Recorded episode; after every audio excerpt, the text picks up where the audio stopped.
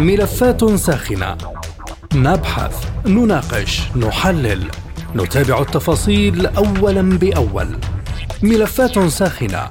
برنامج يلقي الضوء على كل الملفات مع باقة من أبرز المحللين والمسؤولين.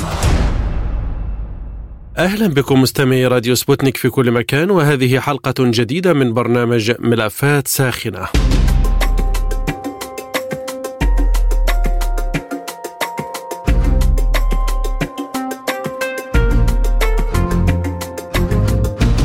أكد الرئيس الروسي فلاديمير بوتين استعداد موسكو لتوريد الحبوب إلى الدول الفقيرة حتى لو انسحبت روسيا من صفقة الحبوب.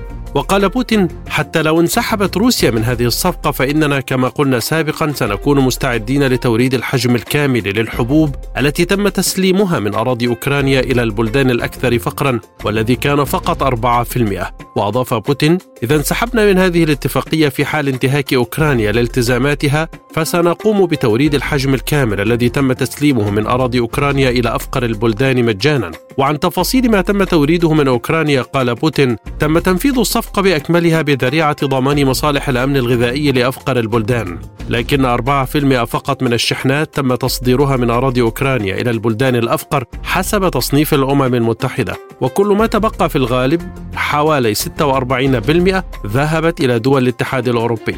وعن الضمانات المطلوبة حتى لا يتكرر تعليق روسي للاتفاقية مرة أخرى قال بوتين طلبنا تأكيدات وضمانات من الجانب الأوكراني بأنه لن يحدث شيء مثل هذا في المستقبل وأن الممرات الإنسانية لن تستخدم لأغراض عسكرية. وأخيرا أشار بوتين إلى أن التعليمات مقدمة لاستئناف المشاركة في صفقة الحبوب لكن روسيا تحتفظ بالحق في الخروج منها إذا خرقت كييف الضمانات. نتساءل في هذه الحلقة من برنامج ملفات ساخنة. عن هذا التعليق المحتمل من جانب روسيا للاتفاقية مرة أخرى. وما هي شروط روسيا حتى لا يحدث مثل هذا التعليق مرة أخرى؟ ومن يسأل عن الخلل في سوء التوزيع في اتفاقية تصدير الحبوب التي تمت برعاية أممية وتركية. أرحب بضيوف هذه الحلقة من موسكو الأستاذ بسام البني الكاتب والمحلل السياسي ومن أمستردام المتخصص في العلاقات الروسية الأوروبية السيد باسل الحاج جاسم ومن دبي الأستاذ نايل جوابرة المحلل الاقتصادي وخبير أسواق المال. وأبدأ معك أستاذ بسام من موسكو وأسألك إلى ما يشير كلام الرئيس بوتين عن احتمالية انسحابه مرة أخرى أو تعليق مشاركته مرة أخرى في اتفاقية تصدير الحبوب بعد أيام من عودته إليها. يعني يشير هذا التصريح إلى أن روسيا آه، تبدي حسن نية بموضوع الحبوب وتبدي استعدادها لتوريد الحروب الحبوب إلى الدول الفقيرة ولكن آه، إذا ما استمرت كيف آه، باستفزازاتها ولم تلتزم تلتزم بالورقة التي سلمتها آه، عن ضمانات بعدم استخدام ممر الحبوب للأغراض العسكرية وميناء اديسا للأغراض العسكرية، إذا ما استمرت كيف بالتزامها والتزمت ستبقى روسيا في صفقه حبوب، أما إذا ما أخلت كيف وأنا أتوقع أن تخل كيف بالتزاماتها لأنها لم تلتزم حتى باتفاقيات مينسك واحد واثنين قبل ذلك مما أدى إلى هذه العملية العسكرية، فعندها ستنسحب روسيا، أضف إلى ذلك أن روسيا لديها مطالب وهي الشق الثاني الثاني من الصفقة التي تدعى صفقة الحبوب وهو آه، يعني السماح أو تسهيلات آه، تقوم بها الأمم المتحدة بجهود مع دول العالم من أجل تصدير الحبوب والأسمدة الروسية لأنهم يعني آه، كلام حق يراد به باطل ما كان عندما صعدت الأصوات وارتفعت في الغرب أن روسيا تريد أن تجوع الدول الفقيرة. هذا الكلام حق يراد به باطل. روسيا لا تريد أن تجوع هذه الدول الفقيرة لذلك وافقت على الابتزاز الغربي وافقت على صفقة الحبوب وأوقفت العمليات العسكرية من اتجاه البحر نحو ميناء أديسا. الشيء الذي استخدمته كيف لتمرير الأسلحة عن طريق رومانيا من رومانيا عن طريق البحر الأسود الأمر الذي يعقد المسألة العسكرية في أوكرانيا. هذا يعني أنه إذا ما استمرت الاستفزازات ستقوم روسيا بالانسحاب من هذه العملية ومن آه، من انسحاب من صفقة الحبوب وبالتالي قد تستهدف يعني ميناء أديسا بحال تم الاستمرار بتوريد الحبوب دون موافقة روسيا. لكن الرئيس بوتين أشار إلى احتفاظ روسيا بالحق في الخروج من الاتفاقية مستقبلا، لما هذا التلويح؟ هو يؤكد ولكن لا يقول نحن نخرج، يقول نعلق المشاركة في هذه العملية، ولم تخرج روسيا من هذه الصفقة، ولكنها علقت مشاركتها لكي لا تكون هناك يعني إذا كانت روسيا ضامنة من الضامنين الذين يضمنون مرور السفن الآمنة، وتم بالخطأ على سبيل المثال إغلاق سفينة للحدود. سيقولون لك أن روسيا لم تستطع وهي المعتدية. وكلنا نلاحظ كيف هناك تصعيد غربي إعلامي منذ بدء العملية العسكرية وحتى ما قبلها لشيطنة روسيا، لذلك روسيا لا يمكن لها أن تكون مشاركة في هذه الصفقة إذا كيف مارست كما قلت لك العمليات الاستفزازية واستمرت بها، هذا يعني أن روسيا ستعلق مشاركتها من أجل أن لا تكون مسؤولة عن أي خطأ قد يحدث هنا أو هناك، وإذا ما استمر الغرب يعني استمرت تركيا على سبيل المثال مع الأمم المتحدة مع تركيا في توريد الحروب خارج موافقة روسيا عندها لدى روسيا الخيارات العديدة يعني يمكن أن تنسحب أو تعلق مشاركتها مرة أخرى وتستهدف ميناء أوديسا. أستاذ بسام هل تنظر موسكو برأيك لهذه الاتفاقية على أنها غير ذات جدوى؟ هي الاتفاقية ذات جدوى إذا ما تم الالتزام بتنفيذها ولكن الأمر الذي يعني لا يعجب موسكو أنه تم تصدير الحبوب الأوكرانية على أساس أنها ستصدر إلى الدول الفقيرة لكن الحبوب كما نعلم 95% منها وصل إلى الدول الغنية ومنها دول الاتحاد الأوروبي. الدول الفقيرة وصلها فقط 5% أضف إلى ذلك روسيا لديها 300 ألف طن من الأسمدة عالقة في الموانئ الأوروبية. هي قررت أن تتبرع بهم للدول الفقيره لكن حتى الآن لا يتم فك حصار عنهم، أضف إلى ذلك وزاره الزراعة الروسية أعلنت أنها تريد أن تتبرع ب 500 ألف طن من الحبوب إلى الدول الفقيرة. تبرع دون مقابل لكن لا يمكنها لأن هناك تقييد على حركة التحويلات البنكية وعلى شركات التأمين لا تقبل بتأمين السفن والى آخره موضوع اللوجستية والتقنيه لتنفيذ هذه العمليات، هنا روسيا فهمت أن الغرب يريد أن يستورد الحبوب الأوكرانية لنفسه وليس لتوريده إلى الدول الفقيرة فقط يريدون أن يشوهوا روسيا لدى الدول التي تتعاطف مع روسيا والتي ترفض الهيمنة الغربية عليها وتتمنى لروسيا النصر آه، بأنهم يعني روسيا تريد أن تجوعكم، روسيا أثبتت لهذا العالم الفقير العالم الثالث أنها ليست معنية بتجويعهم وهي مستعدة لتوريد الحبوب والأسمدة لهم دون مقابل ولكن آه، على الغرب أن يلتزم بهذه الصفقة، إذا التزم الغرب بالصفقة ودع وضغط آه، الأمين العام للأمم المتحدة على الدول التي تعيد تصدير الحبوب الروسية عندها ستكون هذه الصفقة ذات مغزى، أما إذا لم يضغط وبقي الحال على ما هو بعتقد روسيا ستعلق عضويتها ستعلق مشاركتها بهذه الصفقة من جديد. لكن مسألة استعداد روسيا لتوريد الحبوب للدول الفقيرة في أي إطار يمكن أن نضعه؟ في إطار أنها تريد أن تقول للعالم أنني لست آه، معنية بتجويع العالم وان الأزمة الاقتصادية والأزمة الغذائية ليست بسبب روسيا، روسيا هي من أكبر المصدرين للحبوب وهي ليست معنية بأن يكون هناك مجاعة في العالم، تريد أن تقول للعالم الحر الذي لا يريد الهيمنة الأمريكية أنني جاهزه للمساعدة في حال تم آه، فك الحصار عن هذه الحبوب. أستاذ بسام كيف تقرأ الأرقام التي جاءت في كلام الرئيس بوتين عن إنه 46 فقط 46% فقط من الشحنات ذهبت إلى الاتحاد الأوروبي في حين 4% فقط ذهب إلى الدول الفقيرة يعني هناك آه، كذب متعمد من أجل تشويه وشيطنة روسيا أستاذ بسام من يسأل هنا عن آه، سوء التوزيع أو الخلل في التوزيع آه، الذي أدى إلى اختلال الأرقام على هذا النحو؟ أعتقد أن الأمم المتحدة هي التي تسأل ولذلك نرى اليوم تصريح على أعلى المستويات من هنا من روسيا تطالب الأمين العام للأمم المتحدة غوتريش بالضغط على الدول دول الغرب من أجل تنفيذ الاتفاقية كما تمت الصفقة كما تمت في بدايتها. يعني الاتفاقية ليست فقط من أجل تصدير الحبوب الأوكرانية ولكنها ذات شقين. شق لتصدير الحبوب الأوكرانية وشق لرفع الحصار أو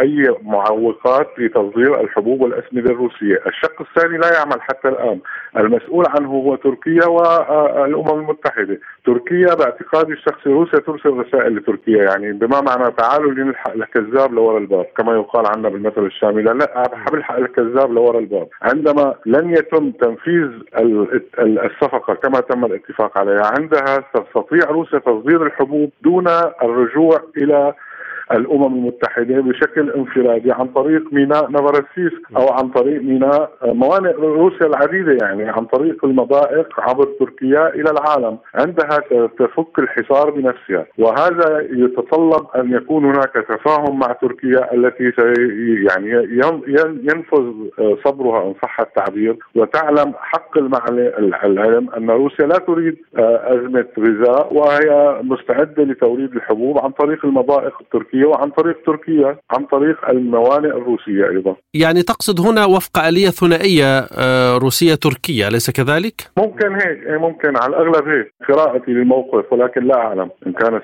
سيصبح واقعا أم لا. ومن الذي يحدد قائمة الدول الفقيرة؟ يعني هل روسيا أم الأمم المتحدة؟ ما موجود عندك بال يعني بترتيبات الدول موجودة حسب الإنتاج المحلي حسب ديون الدول حسب كل هذا الأمر موضوع موجود وواضح يعني. يعني ليس هناك تحديد يعني ليس لا يتطلب الأمر أن يحدد أحد ما هم محددين خالصين يعني. شكرا لك أستاذ بسام البني الكاتب والمحلل السياسي من موسكو. ومن أمستردام أرحب مجددا بالأستاذ باسل الحاج جاسم المتخصص في العلاقات الروسية الأوروبية. أستاذ باسل بداية آه، يعني أسألك أيضا عن مدلول كلام الرئيس بوتين عن احتمالية تعليقه للاتفاقية مرة أخرى بعد عودته إليها. آه، في الواقع آه، روسيا خلال الأيام القليلة الماضية أو اليومين الماضيين لم تنسحب من الاتفاقيه إنما علقت مشاركتها لأسباب متعلقة بحسب الاتهامات الروسية بأن أوكرانيا استخدمت الممر الآمن لاستهداف سفن روسية. لكن بالمجمل الاتفاقية ستنتهي آه، يعني بعد قرابة أسبوعين. معروف أنه عندما جرى التوقيع على هذه الاتفاقية هي كانت مؤقتة لمدة آه، ثلاثة أشهر. بعد أيام ستنتهي هذه الاتفاقية آه، عودة روسيا من تعليق المشاركة كانت بعد جهود ووساطة تركية وتواصل مع الجانبين الروسي والأوكراني بموجبها حصلت روسيا على ضمانات شفهية ومكتوبة بحسب تصريحات قبل ساعتين أعتقد لوزير الدفاع التركي يعني أن روسيا حصلت على ضمانات للمطالب التي وضعتها وبسببها علقت المشاركة. اليوم آه، نفهم من تصريحات الرئيس الروسي فلاديمير بوتين بأن روسيا ستستمر بتزويد الحبوب حتى لو انسحبت من الاتفاقية، يعني أنه عندما تنتهي هذه الاتفاقية قريبا بعد عدة أيام بعد قرابة أسبوعين قد نشهد انسحاب روسي منها، نحن لا نعلم الأسباب التي ستدفع روسيا للانسحاب، آه، هل كان تعليق المشاركة والعودة عنها آه، مرتبط بالجهود آه، التركية؟ معروف اليوم العلاقات المميزة بين تركيا وروسيا. معروف أن روسيا عرضت لتكون تركيا مركز لتوزيع الغاز الغاز الروسي لدول الاتحاد الأوروبي. واليوم يبدو أن تركيا تلعب دور آه، مركز لتوزيع الحبوب رويدا رويدا سواء الحبوب الروسية أو الأوكرانية. نحن لا نعلم ماذا سيحدث بعد انتهاء الاتفاقية قريبا. قد يكون هذا احتمال وارد من بين احتمالات أخرى كثيرة أن تصريحات الرئيس الروسي هي استباق اولا لموضوع انتهاء الاتفاقية وعدم رغبة روسيا بتجديدها، ثانيا روسيا تريد أن تدحض الاتهامات الغربية بأنها تتسبب بكارثة غذائية خصوصا للدول الفقيرة، وهذا يمكن ربطه بالتصريحات المتكررة لأكثر من مسؤول روسي وحتى الرئيس التركي أكد هذه التصريحات بأن معظم الحبوب التي خرجت من الموانئ الأوكرانية وفق اتفاقية الحبوب التي وقعت خلال الشهرين الماضيين معظمها لم تذهب إلى الدول الفقيرة التي تحتاجها إنما ذهبت لدول آه، غربية. من هذا الباب روسيا آه، بإعلان الرئيس الروسي أنها ستستمر بتزويد الحبوب حتى لو انسحبت أو لم تمدد هذه الاتفاقية تريد أن تدخل الاتهامات بأن روسيا هي التي تتسبب بأزمة غذائية عالمية، لكن كما قلت هذا كله لا نستطيع تأكيده إلا عندما نصل لتاريخ مدة انتهاء صلاحية الاتفاقية التي وقعت بين روسيا وتركيا والأمم المتحدة وأوكرانيا، وقتها يمكن بالفعل تحديد الأسباب التي دفعت الرئيس الروسي لإصدار مثل هذه التصريحات. لكن الرئيس بوتين لوح باحتفاظ روسيا بالحق في الخروج من الاتفاقية مستقبلا. لأنها يعني اتفاقية آه، جرت بالتراضي والتوافق آه، كل طرف وضع الشروط التي يراها آه، تناسبه آه، لكن آه، آه، تصريحه بأن يحق لها يعني إذا الشروط أو الظروف تغيرت ولم تعد تناسب روسيا فبالتالي بالتأكيد يعني مثل مثل أي اتفاقية محددة الزمان في كل أنحاء العالم. يعني ليس هناك شيء ملزم بأن تعيد تمديد الاتفاقية أو شيء يمنعها لأنها كما قلت جرت بالتوافق والتراضي وفق وساطات معينة وفق ظروف معينة وفق آلية آه، معينة. آه، عندما وقعت روسيا حالها حال أوكرانيا حال الأمم المتحدة حال تركيا الكل كان مستفيد من توقيع الاتفاقية في وقتها. آه، عندما تنتهي هذه الاتفاقية لا نعلم نحن الظروف هل باتت متغيرة عن تلك التي جرى فيها التوقيع. أيضا من هذه الزوايا يمكن فهم هذا التصريح للرئيس الروسي فلاديمير بوتين. أستاذ باسل هل جدوى هذه الاتفاقية محل نظر من جانب موسكو برأيك؟ في الواقع يصعب آه، يعني آه، تحديد آه، الزاوية التي ترى فيها روسيا مصلحتها تحديدا في هذه الاتفاقية، لكن عندما وقعت عليها روسيا أعتقد أنها كانت أيضا بحاجة إليها، اولا روسيا كما هي بحاجة لنفي الاتهامات التي توجه إليها من الجانب الغربي بأنها متسببة بأزمة غذاء عالمية، أيضا هي بحاجة لرفع العقوبات المتعلقة بتصدير الحبوب والأسمدة الروسية للأسواق الخارجية. آه، كان من من ضمن البنود التي دوما روسيا آه، تؤكد أنه لم يجري تطبيقها وهو سماح للحبوب والأسمدة الروسية بالخروج أيضا ووصولها للأسواق العالمية. هذه الأمور إذا ما طبقت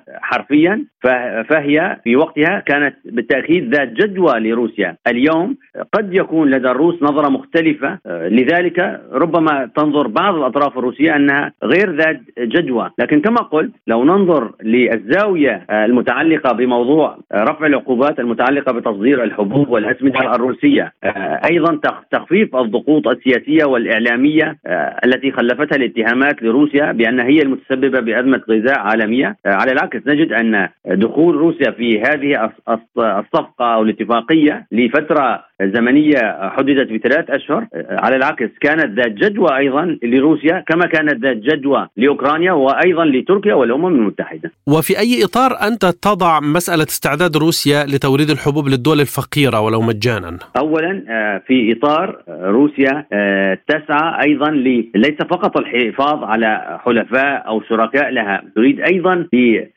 حشد أكبر عدد ممكن من الدول التي يعني تقف إلى جانبها ضد التوجهات والسياسة الأمريكية، يعني لا يخفى على احد من ضمن أهداف كثيرة لروسيا لما أطلقت عليه عملية عسكرية خاصة في أوكرانيا وهو كسر احاديه القطب. هذا من ناحيه من ناحية أخرى هي عندما كانت دوما تصرح من أكثر على مستوى أكثر من مسؤول روسي بأن الحبوب التي تخرج من الموانئ الأوكرانية وفق الاتفاقية التي السبب الرئيسي لهذه الاتفاقية كان أن هناك أزمة غذاء عالمية تحدث وتحديدا في الدول آه، الفقيرة أو الدول التي تعتمد بشكل كبير سواء على الحبوب الأوكرانية أو الروسية. أنها لا تصل لتلك الدول آه، لذلك هي اليوم توجه رسالة لكن قد يكون آه، طريقة الرسالة أو الظروف مختلفة عن الأوضاع العادية بأنها مستعدة حتى لو مجانا لإيصال هذه الحبوب للدول التي تحتاجها. وكيف تقرأ أستاذ باسل الأرقام التي تتحدث عن 4% فقط من الحبوب وصل إلى آه، أو الذي جاء من أوكرانيا وصل إلى الدول الفقيرة بينما 46 بالمئة وصل إلى أوروبا.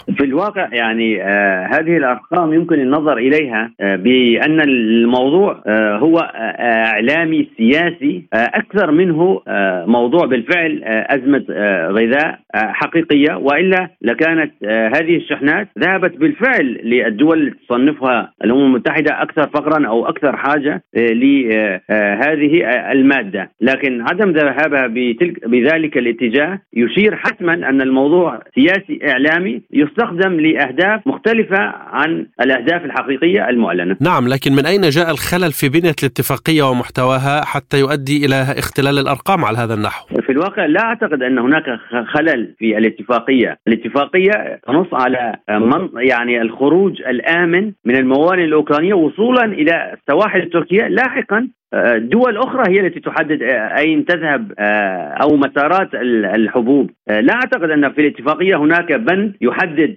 كل شحنة يعني نقطة الخروج ونقطة الوصول. لا أعتقد هذا من صلاحية تلك الدول التي وقعت على الاتفاقية.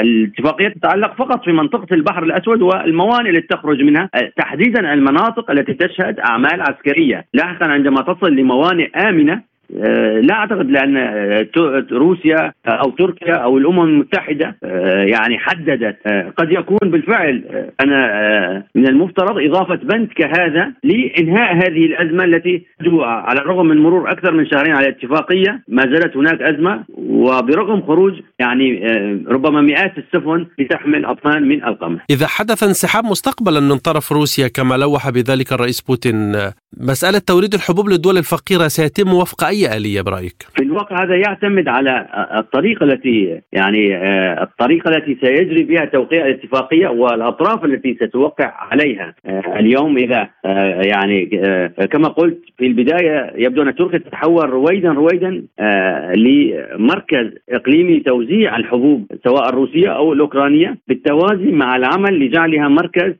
دولي لتوزيع الغاز سواء الروسي أو القادم من بحر قزوين أو حتى ربما من هذا يعتمد على الأطراف التي ستدخل في هذه الاتفاقية هي التي ستحدد المسارات التي سيسلكها ستسلكها شحنات الحبوب الروسية. شكرا الأستاذ باسل الحاج جاسم المتخصص في العلاقات الروسية الأوروبية من أمستردام.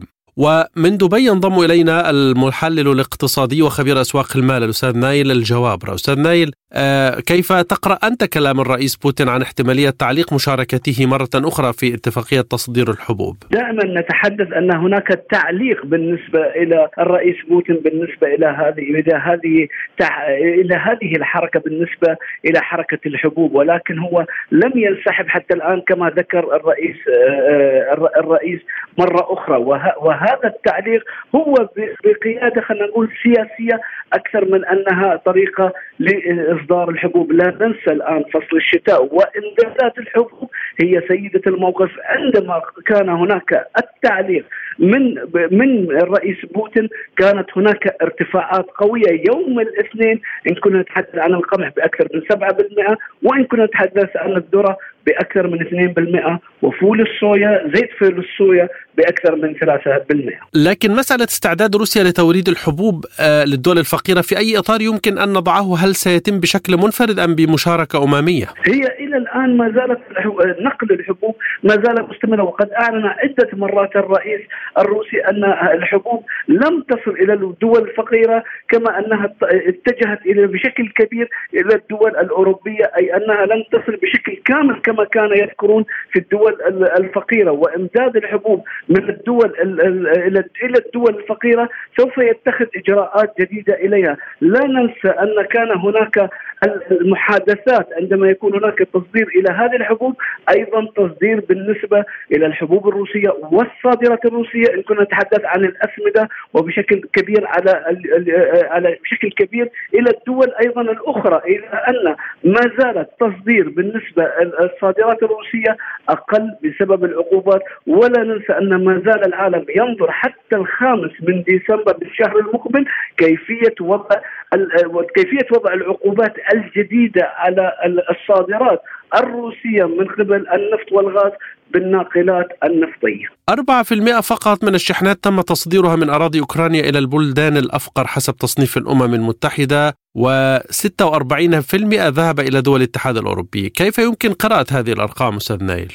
هذا ما تحدث عنه الرئيس لأن كان هناك التصدير إلى الدول الفقيرة بشكل كبير وأن الدول الفقيرة هي المحتاج الأكبر لهذا التصدير وخاصة من حبوب من حبوب الذرة والقمح وأيضا آه، زيت الصويا. إلى أن إلى أن لم يصل إليها كما ذكرت بهذه الأرقام أي أقل بكثير مما كان يتحدث عنه خاصة الأمم المتحدة. وهذا الحديث يجعل أن هناك الأنظار أنها لم تصل بشكل كامل إلى الدول الفقيرة كما كان متوقع وكما كان هناك التوقيع أيضا في تركيا.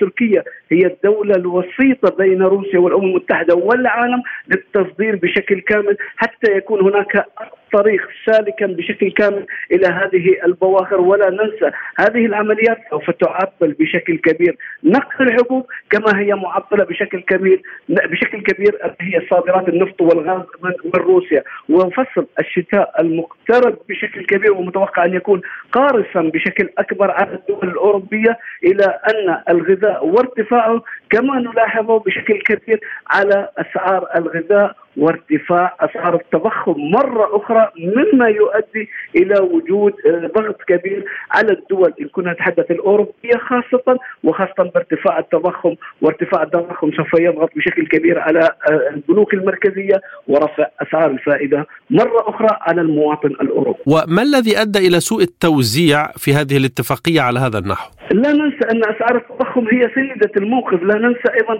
ارتفاع الأسعار هي ما أدى بشكل كبير اتجاه إلى الدول الأوروبية وأن هناك عقوبات أوروبية على روسيا إن كنا نتحدث سبع عقوبات والآن الانتظار إلى تاريخ 5 ديسمبر حتى يكون هناك العقوبات حتى على ناقلات الغاز والنفط أي أن سوف يكون هناك عقوبات جديدة على على روسيا. وهذا الخلل الكبير بكل تأكيد هي لجبح أسعار التضخم في القارة الأوروبية إلى أن ما زالت أسعار أسعار الغاز وأسعار أيضا المواد الغذائية ما تضغط بشكل كبير على التضخم، هذه الأرقام رغم وصول كميات كبيرة إلى كبيرة بالنسبة إلى القارة الأوروبية إلى أن أسعار التضخم هي سيئة الموقف في القارة الأوروبية والضغط الكبير الآن إلى أنظار أسعار الطاقة التي متوقع أن يكون هناك ارتفاع بشكل كبير وطبعا تضغط على المواطن الأوروبي. يعني سوء التوزيع راجع إلى المقدرة المادية للدول تقصد؟ هي ليس سوء التوزيع ولكن هناك اتفاقيات إلى أن الاتفاقيات هناك خلل بها أو كيفية صادرات من من من من أوكرانيا إلى الدول الأخرى وخاصة باتجاهها كانت منذ البداية إلى القارة الأوروبية، كان دائما التحدث عند توقيع هذه الاتفاقية أكثرها للدول الفقيرة إلى أن لم يصل كما ذكرت 4% وهذا يعتبر رقم ضئيل جدا من الصادرات التي اتجهت خارج روسيا خارج أوكرانيا عفوا من الحبوب إلى إلى إلى العالم وهو يضغط بشكل كبير على هذه الاتفاقية بوجود اتفاقيات أخرى، لا ننسى توقيع الاتفاقيه كان أيضا هناك الصادرات للسماد السماد بالنسبة لروسيا إلى أن حتى الآن ما زالت العقوبات هي كبيرة بالنسبة على روسيا وهي تضغط بشكل كبير على الدول الأخرى للاستيراد أيضا من روسيا. طيب إذا حدث انسحاب مستقبلا من طرف روسيا، توريد الحبوب للدول الفقيرة سيتم وفق أي آلية؟ هي بكل تأكيد هناك آليات أخرى إن كنا نتحدث عن كيفية خروجها من البحر الاسود ولكن هناك تعليق الحبوب سوف ترفع إلى مستويات قياسيه وكما شاهدنا منذ بداية الحركة العسكرية التي أعلن عنها الرئيس بوتين أن هذه هي كانت ضاغطة بشكل كبير على المواد الغذائية وشاهدنا يوما بعد يوم ارتفاع المواد الغذائية. ولا ننسى هي ليست فقط على القمح وبالنسبة إلى زيت الصويا إلى أن هناك رفع على جميع المواد الغذائية وشاهدناها منذ بداية شهر مارس الماضي. وهذا سوف يضغط بشكل كبير على اسعار التضخم التي تنظر إليها إن كنا نتحدث دول الدول الاوروبيه وأيضا الولايات المتحدة الأمريكية أنها مستويات قياسية وضغط كبير على ان كان الناخب الأمريكي في الوقت الحالي بسبب الانتخابات أو أوروبا لفصل الشتاء. تقصد هنا أن الأمم المتحدة لن تكون طرفا في التوريد المحتمل للدول الفقيرة؟ أعتقد لن يكون هناك لها طرف وتكون هناك مباشرة كما يكون هناك التصدير مثل ما يحصل الآن بالنسبة للغاز والنفط إلى الهند وأيضا وأيضا الصين كما يحدث الآن. واتجاه إذا كانت سوف تتجه من روسيا مباشرة إلى الدول الفقيرة بكل تأكيد مباشرة بدون وجود أي وسيط أو بدون وجود أي إن كان من الأمم المتحدة أو كنا نتحدث أيضا عن تركيا الذي كان الوسيط الأكبر مع دول العالم لاتخاذ خفض الأسعار بشكل كبير إن كنا إن كنا نتحدث عن آه، فول الصويا أو كنا نتحدث عن الذرة أو المواد الغذائية بشكل كامل. ومن الذي يحدد قائمة الدول الفقيرة؟ هل روسيا أو الأمم المتحدة؟ هي بكل تأكيد آه، روسيا سوف تحدد في الفترة القادمة وإذا كان هذا الانسحاب سوف يجعل الضغط على المواد الغذائية بشكل كبير وسوف تكون هناك ارتفاعات قياسية لم يشهدها التاريخ بسبب اتجاه هذه بسبب اتجاه هذه الصادرات إلى الدول الفقيرة وأيضا الاتجاه سوف يكون معينا والكميات وسوف يكون هناك ضغط على القارة الأوروبية ولا ننسى ضغط على البنوك المركزية. شكرا لك أستاذ نايل الجوابره المحلل الاقتصادي وخبير أسواق المال من دبي. وشكرا لكم مستمعينا الكرام، ختام هذه الحلقة من ملفات ساخنة، للمزيد من التفاصيل زوروا سبوتنيك dot ae إلى اللقاء. مستمعينا بهذا نصل وإياكم إلى نهاية هذه الحلقة من برنامج ملفات ساخنة طابت أوقاتكم وإلى اللقاء